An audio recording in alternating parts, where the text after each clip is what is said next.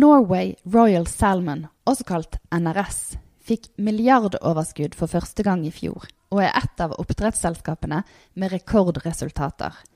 Selskapet har fått steril fisk i sjøen, og planlegger offshoremerd med Aker. Velkommen til Laksekast. Jeg heter Camilla Odland.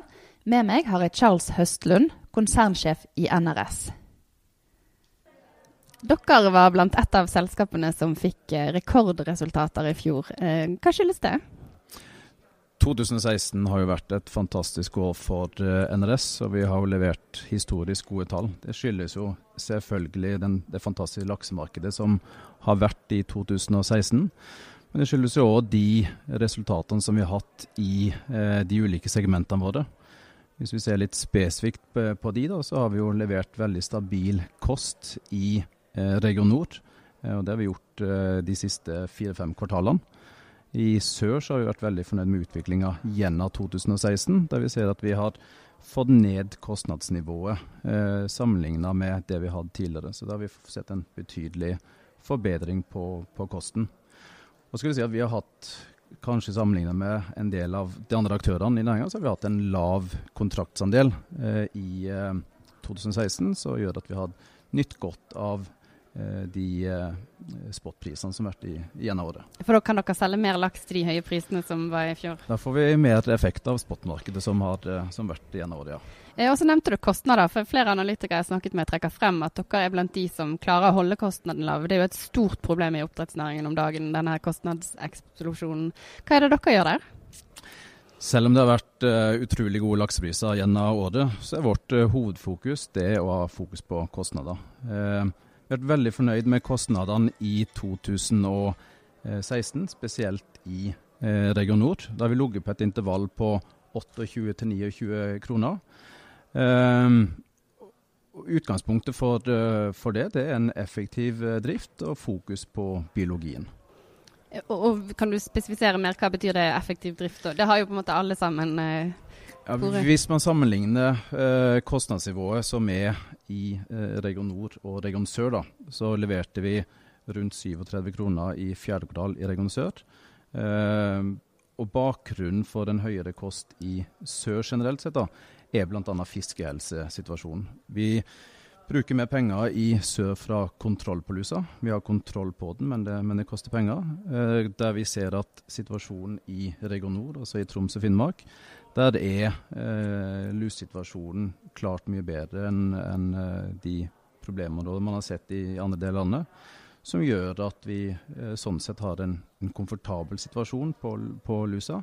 Men det må likevel jobbes for å sikre eh, god kontroll på lussituasjonen i, i det området. Ja, for region sør og nord for eh, NRS, det er Troms og Finnmark i nord og sør, det er da er vi nede ved Rogaland, eh, Haugesund-området, som, eh, som, er så akkurat på grensen mellom Rogaland og Eh, Hordaland som, eh, som, vi er på.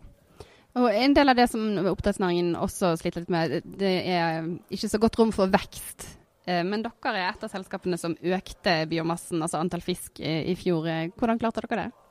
I gjennom året så, så, har vi jo sagt at vi har økt smoltutsettet eh, i 2016. Vi er bitte litt ned på, på slaktevolum i, i 16. Men bakgrunnen for at vi øker smoltutsettet har jo med eh, de grønne konsesjonene som fikk tildelt på slutten av 2014, eh, som gjør at vi har jo en, en, eh, et stort vekstpotensial eh, som selskap.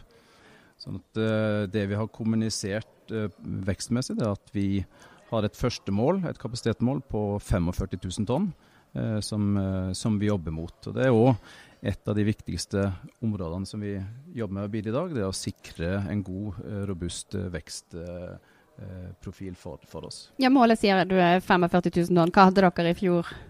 I fjor så var vi på et eh, Eller hvis vi, vi, sier at volumet vårt fra rundt 27 000 tonn som vi, som vi var på, så har vi guida nå på eh, 34 000 tonn i 2017. Og det er jo en oppgang på gode eh, 30 eh, Og det er jo en alene den eh, at vi begynner å ta i bruk eh, de, de grønne konsesjonene som vi ble tildelt i 2014. Ja, og da må vi gå rett på de grønne konsesjonene. For det er sånn triploid fisk, eller steril fisk, som ikke kan formeres? Det er steril fisk som er ett av sju til åtte vilkår på de, eh, de konsesjonene. Eh, og vi har jo tildelt eh, fem konsesjoner i NRS Finnmark. Og så har vi fire konsesjoner av de i Troms på de selskapene som, som vi har der. Eh, og veien frem for å få denne sterile laksen i sjøen, den har vært lang. Eh, kan du fortelle litt om det? Det kunne vi ha sagt uh, mye om. Uh, utgangspunktet så har vi jo Vi starta opp dette i relativt skala, liten skala i 2014. Uh, da hadde vi noen utfordringer med et utsett, eller med et utsett som var gjort uh, seint på, på året, med, med høy dødelighet. Det vi ser på det som vi har erfart gjennom 2015 og i 2016, at uh, dødeligheten uh, er på klar på vei ned. Uh, den største forbedringen kanskje vi ser på uh, settfisksida, der vi ser at kvaliteten på rogn, rognkornene har mye å si, som gjør at, at dødeligheten er ned på, på settefiskanleggene. Og så ser vi jo f.eks. På, på veksten. At eh, vi har grupper der vi har hatt veldig god vekst både på settefisk-sida og i sjøfasen på den sterile eh, fisken. Sånn at det som har skjedd eh, av utvikling og kompetansebygging gjennom de her årene, er at vi ser at den sterile fisken som vi har i anleggene, den presterer godt hvis utgangspunktet er, er bra. Og så er det jo en del andre, som, uh, andre resultat som er kommet fra andre aktører, som òg er sammenfallende med de uh, erfaringene som vi sjøl har eh, danna oss gjennom de siste årene. Men så har det òg vært noen runder med Mattilsynet med tillatelse som det først hang litt på, og så skar departementet gjennom og ga dere det. Eh, men så nå har Mattilsynet varslet eh, tvangsmulkt pga. fiskevelferden på denne sterile laksen. Eh, hva ligger bak her, hvordan er det for dere? Hvis vi tar den siste eh, saken først, som, eh, som går på eh, en prosedyre, eh, så har vi levert inn et eh, forslag til en prosedyre i to omganger. Den siste omgangen det var eh, i midten av oktober i fjor. Vi fikk en tilbakemelding for noen uker siden, og et varsel så sent som i går på at elementer i den prosedyren som Mattilsynet ikke eh, er fornøyd med, og derav varsla eh, tvangsmult hvis ikke vi får på plass det. Vår intensjon er jo at vi har en prosedyre som, som vi har utarbeida, både med intern og ekstern fagkompetanse. Så Det er jo momenter i de, i det brevet vi har fått fra Mattilsynet som vi ikke er enig i. Men så har vi selvfølgelig til hensikt å ha god dialog framover med Mattilsynet for å få på plass de eventuelle justeringene som, eh, som, eh, som, er der. Men så har vi jo som, som sagt vi har utarbeidet en prosedyre som, eh, som, det har vært fagkompetanse med. Vi har stort fokus på velferd og, og sikre det framover. Og det er et av de elementene som inngår i den innsendte prosedyren som vi gjorde i oktober i fjor. Ja, Så du mener dere håndterer vel fiskevelferden? Vi skal, i hvert fall ha, vi skal i hvert fall ha en dialog med Mattilsynet. Og vi har stort fokus på, på, velferd, både generelt sett og som en del av den eh, prosedyren. Og så tok det også litt tid før det i det hele tatt ble gitt godkjenning til å sette denne sterile laksen i sjøen. Eh, hva syns du om den prosessen?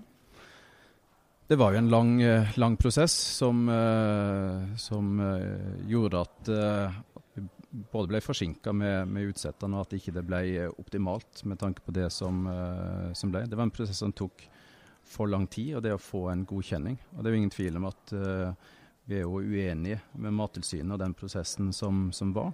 Uh, der det var Mattilsynet lokalt som ikke tillot at vi satte ut fisken i, som var planlagt og kommunisert med Mattilsynet. Der til syvende og sist eh, departementet i to av sakene omgjorde vedtaket til lokalkontoret i Mattilsynet. Og i tredje tilfelle så var det hovedkontoret i Mattilsynet som omgjorde eh, vedtaket eh, lokalt, regionalt til Mattilsynet. Men hvorfor er steril laks noe dere vil satse på? Den sterile laksen er jo en del av de vilkårene som vi har i de grønne eh, tillatelsene. Eh, og det er et, eh, et, av momentene for å oppfylle vilkår i, i de grønne tillatelsene. Jo, jo, men det var et utgangspunkt for hvorfor, altså, hvorfor er dette grønt? Hvorfor er dette noe som man i det hele tatt skal teste ut? Det ene er jo det som har vært et av utfordringene med, med næringa vår. Det har jo vært eh, rømt oppdrettslaks. Den eh, sterile fisken, da har du ikke eh, en, en, Du har ikke en, et, eh, en gonadeutvikling på samme måten som, som annen laks. Den er rett og slett steril, som gjør at det er opplagt ett av flere tiltak hvis uhellet skulle være ute, noe som vi selvfølgelig ikke ønsker. Og så er steril fisk da ett av flere element eh, i eh, de, den pakka som vi har på, eh, på grønne tiltak. Men eh, sterillaks, er det noe du tror vi vil se mer av fremover i næringen og hos flere selskaper? De resultatene som vi har, eh, når vi ser at vi stadig tilegner oss ny kunnskap, så er det uh, mye positivt som, som, kommer ut. Det har vært en del gamle vurderinger eller fagvurderinger som, som, er gjort, som vi ser at ikke eh, slår negativt ut på den sterile fisken. Eh, noen eksempler kan være eh, lave oksygenverdier. som Vi ser at han, fisken håndterer godt stress. Nå har vi jo veldig fin temperaturprofil i region nord basert på at man har ment at triploid fisk eller steril fisk ikke har uh, håndtert gode temperaturer. Men det er andre aktører som har klart å produsere den på høyere temperatur enn det vi har i, i Finnmark. Og så er veksten eh, god. Det ser vi både i ferskvann og i eh, eh, sjøfasen. Eh, så det er stadig ny kunnskap og, og nye datapunkt som, som, kommer. Det er jo noe som vi jobber med både mot Fiskehelsetjenesten og Havforskningsinstituttet er også involvert i den datafangsten som vi, som vi gjør.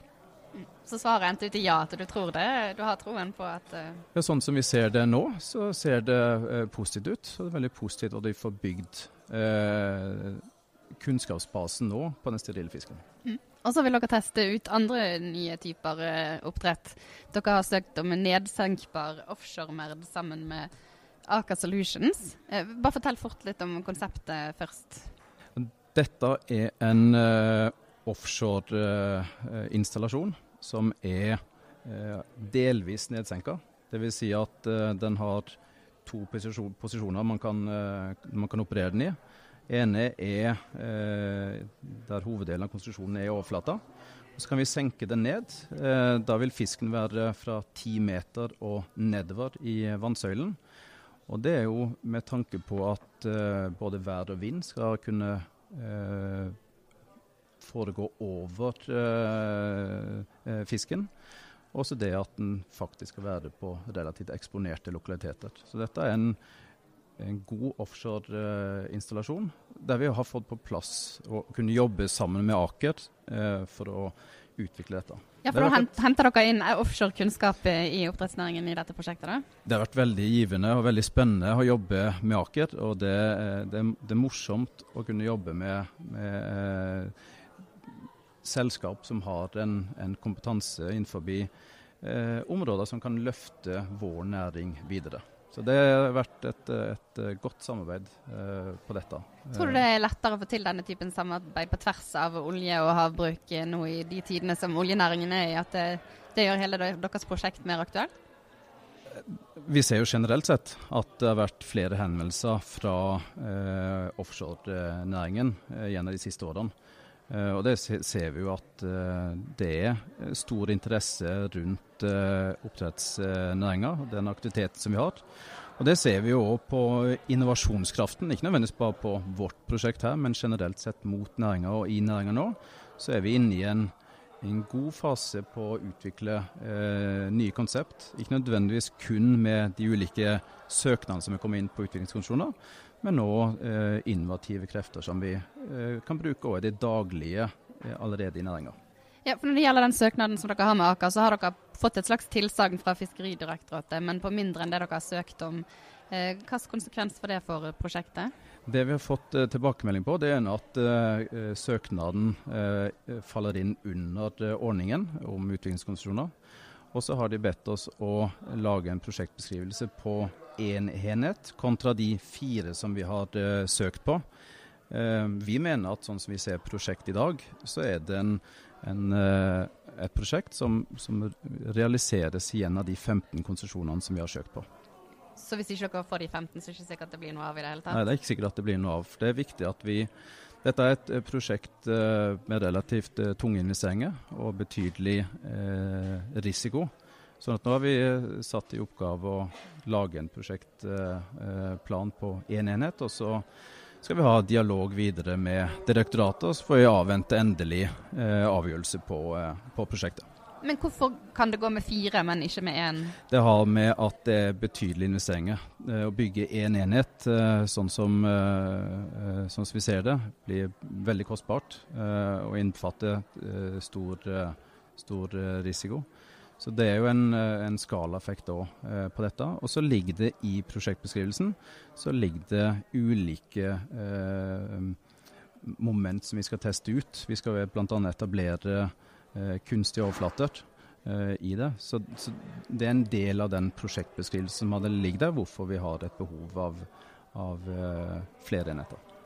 Og Noe av bakgrunnen for hele denne utviklingstillatelsesrunden er jo lakselusutfordringen. Hvordan ser du på den, og er det noe næringen vil klare å løse på sikt, tror du?